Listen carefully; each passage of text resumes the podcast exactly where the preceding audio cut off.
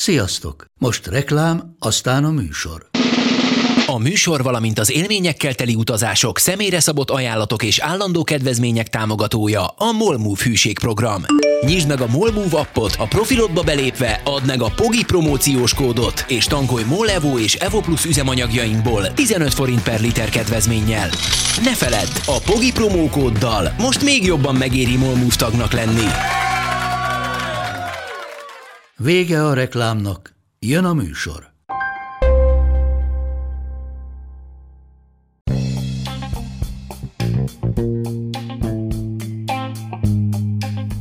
Ez itt a Pogi Podcast. Pogácsa Zoltán közgazdás, szociológus, politikai gazdaságtani podcastja a globális gazdaságról a klímaválság, az automatizáció, a digitális gazdaság, az egyenlőtlenségek és a posztdemokrácia korszakában. Az úgynevezett Briggs-Myers személyiségtípus indikátor elképesztően elterjedt manapság. Használják nagyvállalatok, globális tanácsadó cégek és közigazgatási intézmények alkalmazottai kiválasztásában, de megdöbbentő módon néha még egyházak is. Ezen kívül hatalmas kultusza van youtuberek körében, akik párválasztási tanácsokat adnak a Briggs-Myers teszt négybetűs típusaira alapozva hatalmas felhasználói tábora van az internetes ismerkedési appeken, ahol egyesek mondjuk ENFT típusként kizárólag ISTJ típusúakkal találkoznak, mert az a jó meccs, az INTP típusúakkal eleve szóba sem állnak. Ezeket a négybetűs rövidítéseket már a Tinder profiljukra is kiírják sokan.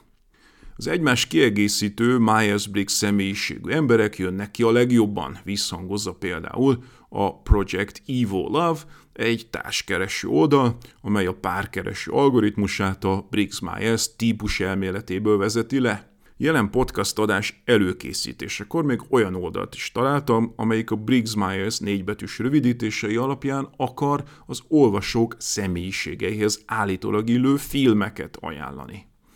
A valóság azonban az, hogy a Briggs-Myers teszt egy totális humbug, a pszichológia tudománya nem fogadja el azt érvényesként, nem sokkal ér többet, mint egy horoszkóp.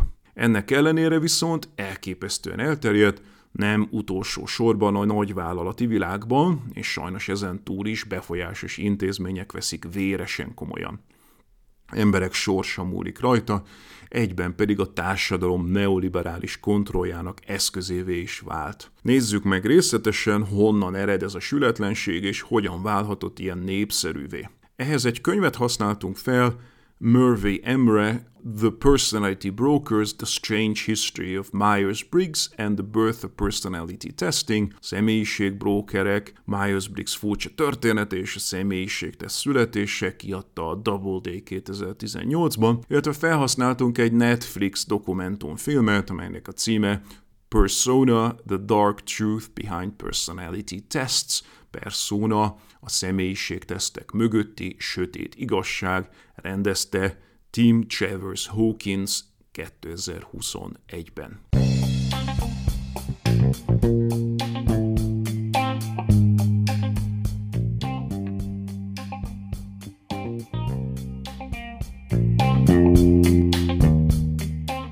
Hogy jött létre valójában a Briggs-Myers teszt? Ha a mutató eredetéről kérdezik, a legtöbb ember, akit teszteltek vele, valószínűleg azt feltételezné, hogy Myers és Briggs két együttműködő pszichológus vezetékneve, és ismervén patriarchális világunkat természetesen két férfi tudós neve.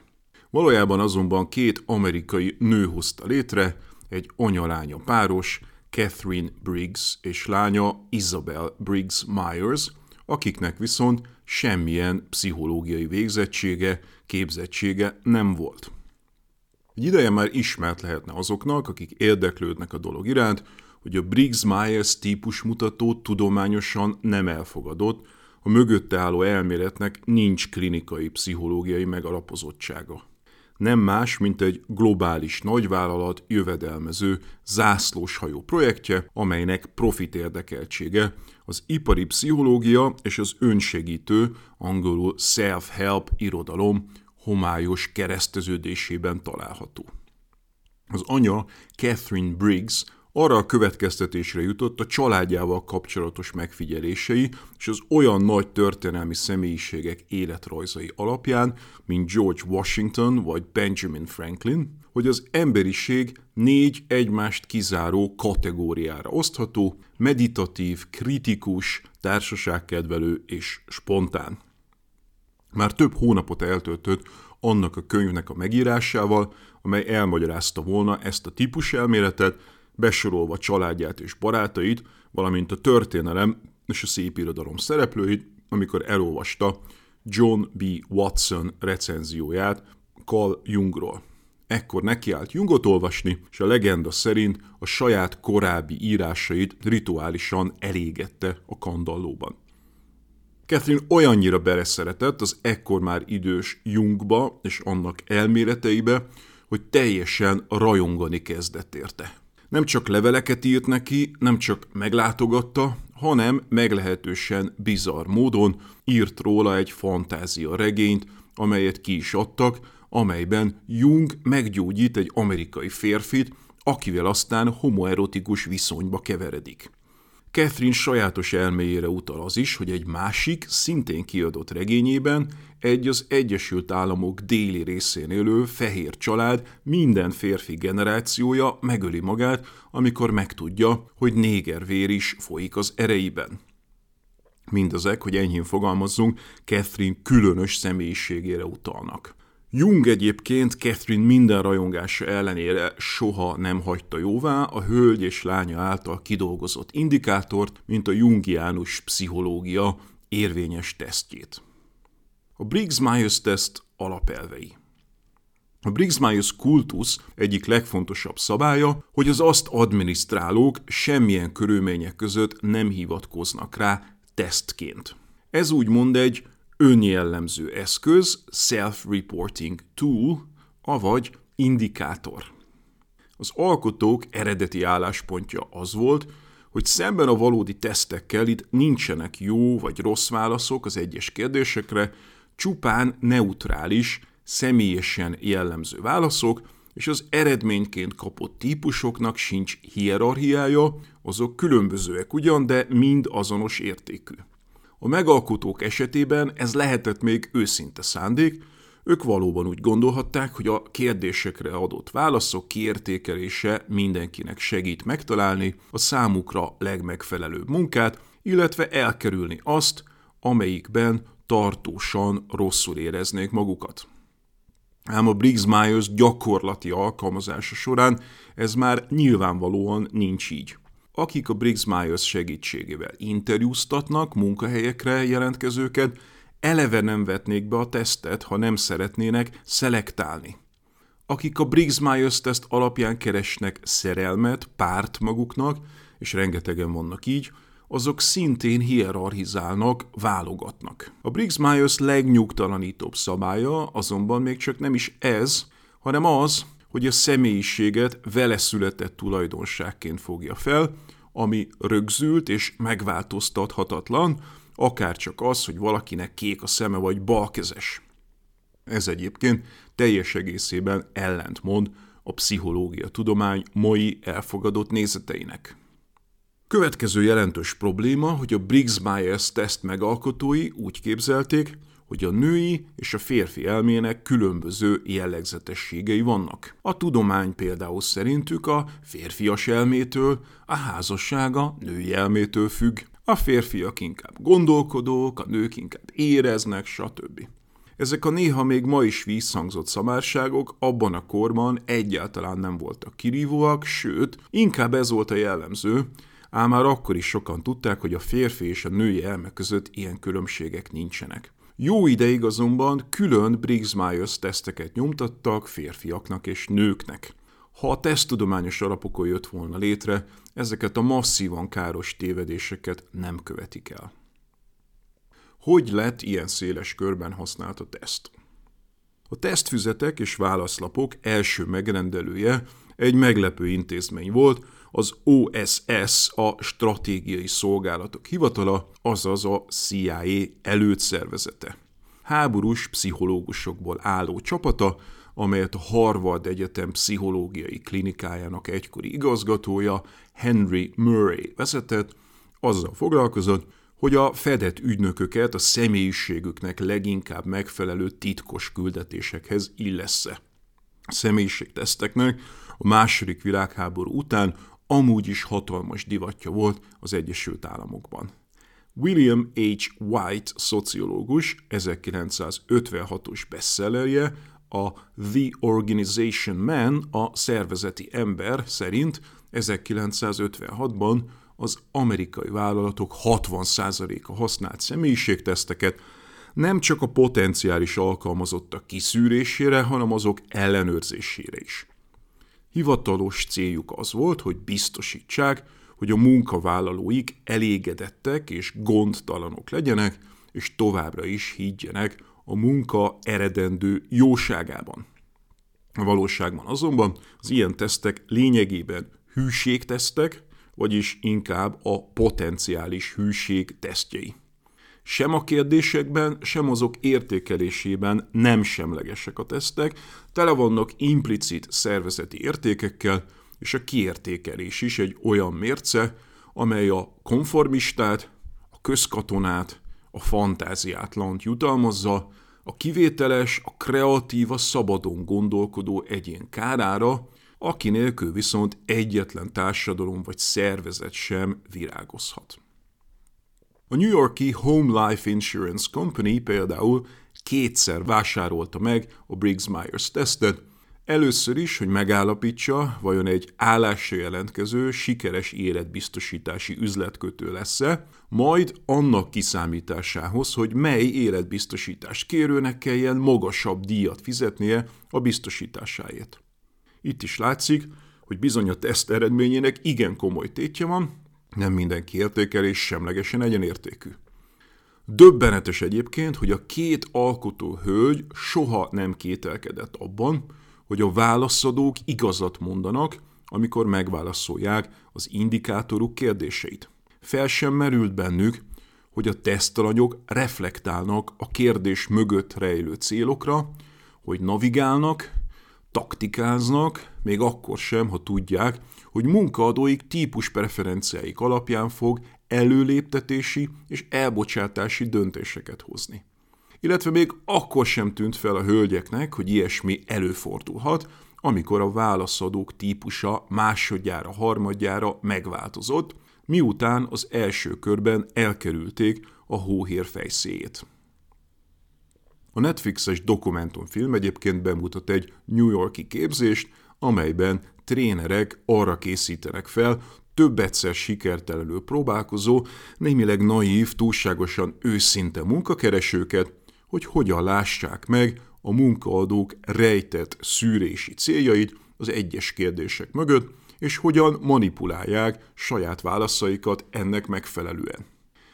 Mivel azonban egy idő után a munkatársakat regrutáló tanácsadó cégek is megsejtik, hogy a tesztalanyok alkalmazkodnak, taktikáznak a kitöltéssel, a személyiségipar legújabb innovációja, amelyet a cégeknek el lehet adni, hogy mesterséges intelligencia figyeli a válaszadók arcmimikáját és szemmozgását kitöltés közben, és ebből von le következtetéseket a válaszadás őszintétlenségére vonatkozóan.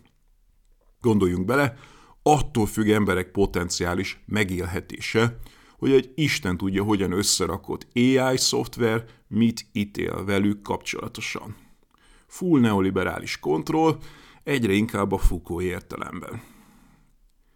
A dokumentumfilm egyébként szintén bemutat egy enyhe személyiségzavarral rendelkező fiatalembert, Kyle-t, aki tragikus módon önkezével vett véget életének azután, hogy jó egyéb képességei ellenére sokat szóra is megtagadták tőle a munkát a személyiségtesztek eredményeire hivatkozva. Ami nincs benne a Briggs-Myers tesztben, az a szocializáció fogalma. A szociológia tudománya ugyanis leírja, hogy nincs olyan, hogy velünk született személyiség.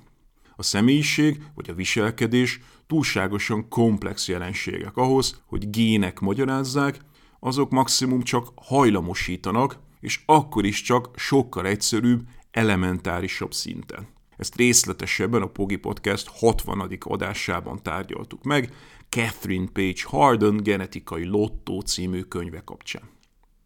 A személyiség a valóságban úgy születik, hogy az olyan szocializációs ágensek, mint a család, az iskola, a kortárscsoport és a média átad nekünk tudást a világról, ez a szocializációnk. Később további tudás megszerzésével a személyiség módosulhat, azaz nem kódolható állandó négybetűs bélyegekkel.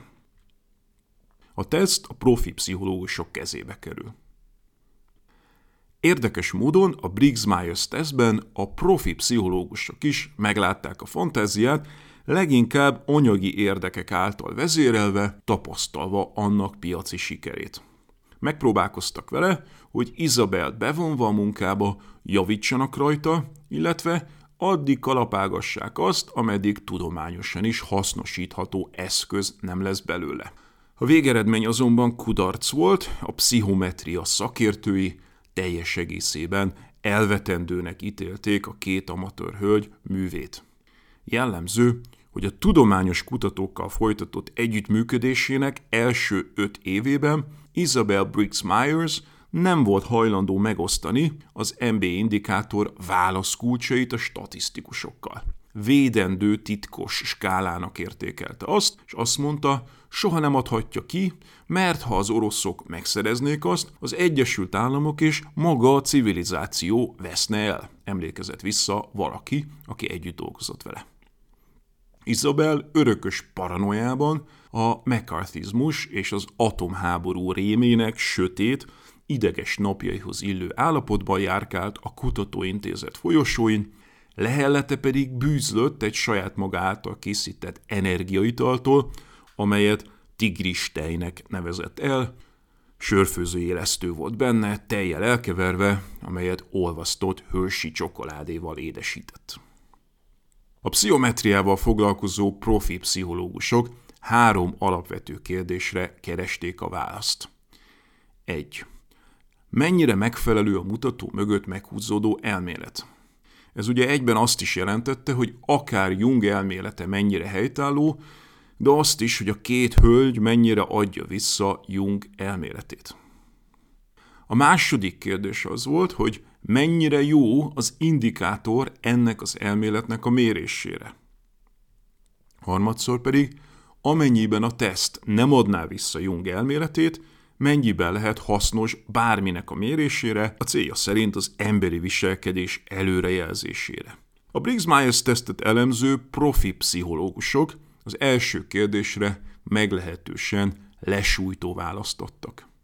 Az elmélet kétségtelenül jungi jellegű volt, jegyezték meg, de nagy része újszerű, Isabel és Catherine mítikus elképzeléseiből fakad, azzal kapcsolatosan, hogy milyen vagy milyennek kellene lennie az emberi természetnek.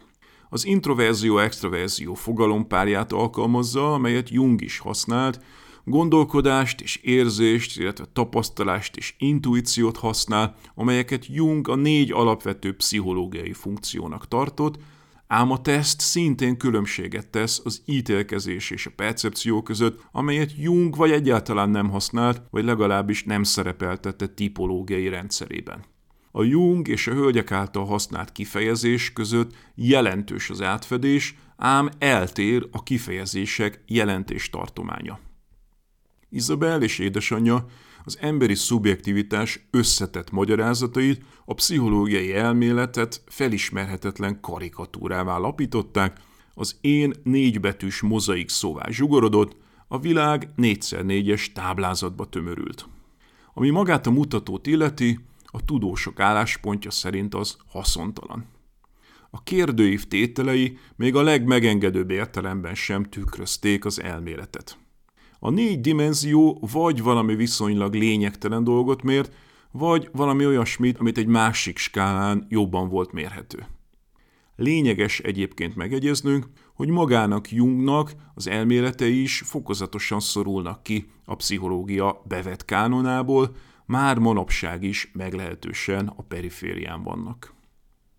A pszichometria szakértőinek második, a teszt hasznosságát alapvetően alásó kritikája az úgynevezett bimodalitás statisztikai elvárásához kötődött. Ha egy változó két jól elkülönülő részre osztja az embereket, ahogy a Briggs-Myers összes dimenziója elvileg ezt teszi, akkor bármely véletlenszerű nagyobb minta esetében jó esély van arra, hogy az adatok két különálló csúcsot vagy módot tárjanak fel, amelyek az egyes dimenziók két ellentétes személyiség típusának felelnek meg, például az extrovertáltak és az introvertáltak jól elkülönő eloszlását. Ám miután több ezer középiskolás diákot és főiskolai gólyát teszteltek, a minták kevés bizonyítékot tártak fel a bimodalitásra. A legtöbb ember valahol középen lebegett, személyiségük elveszett a senki földjén, Izabel két plátói csúcsa között. Ez nyugtalanító fejlemény volt. Amikor Catherine és Isabel elkezdték elemezni az adatokat, azt találták, hogy az emberek nagy valószínűséggel olyanhoz mennek feleségül, aki két vagy három azonos típusú preferenciával rendelkezik.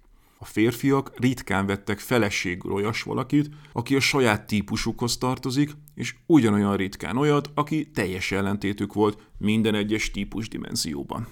Valószínűleg ezek a megfigyelt szabályszerűségek indukálták, hogy a tesztet elkezdték a párkeresésben is használni. Nem számoltak azonban azzal a statisztikai tényel, hogy ha a típusok egyenlően oszlanak el, akkor a véletlen önmagában átlagosan két megosztott típus jelentene a párok között. Ezentúl a pszichológusok tanulmányai kimutatták, hogy az esetek több mint 50%-ában azok az emberek, akik többször is elvégzik a tesztet, akár csak néhány hét különbséggel is, az első körhöz képest eltérő típusba sorolódnak be. Az MBTI teszt újrateszt érvényessége jóval a statisztikai szignifikancia elfogadható szintje alatt van. Akkor hogyan lett mégis világjelenség a tesztből? Nagyon egyszerűen, Isabel egyszerűen úgy döntött, hogy ignorálja a keleti part tudósainak megsemmisítő véleményét.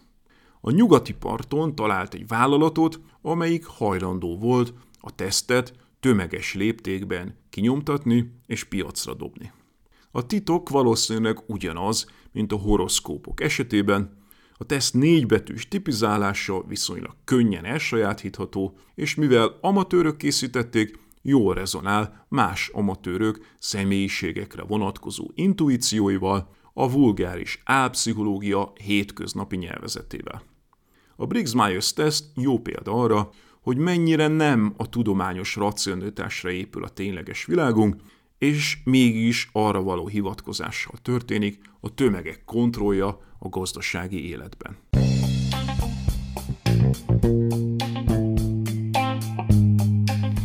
Ez volt ma a Pogi Podcast. Ha vitába szállnál az elhangzottakkal, vagy témát javasolnál, keresd a Pogi blog oldalt a Facebookon. Ha támogatnád a podcastot, azt a www.patreon.com per Pogi Podcast oldalon teheted meg. Köszönjük! Ha más podcastekre is kíváncsi vagy, hallgassd meg a Béton műsor ajánlóját. El tudod képzelni, hogy a podcastet, amit éppen most hallgattál, fél év múlva már a mesterséges intelligencia generálja? Mi sem. De ha érdekel, eljötte már a gépek lázadása. Hallgass bele az Embertelen podcastbe. Orsós Lajos vagyok, a műsor házigazdája. Egyelőre még élőben. Egyelőre. Fedezzük fel együtt, hogyan ismerkedik, randizik, mesél és vitatkozik Betty és Péter, két teljesen mesterséges intelligencia. Lajos, a podcast címét mond még egyszer, Léci. Oké. Okay. Embertelen podcast. Ez a műsor a Béton közösség tagja.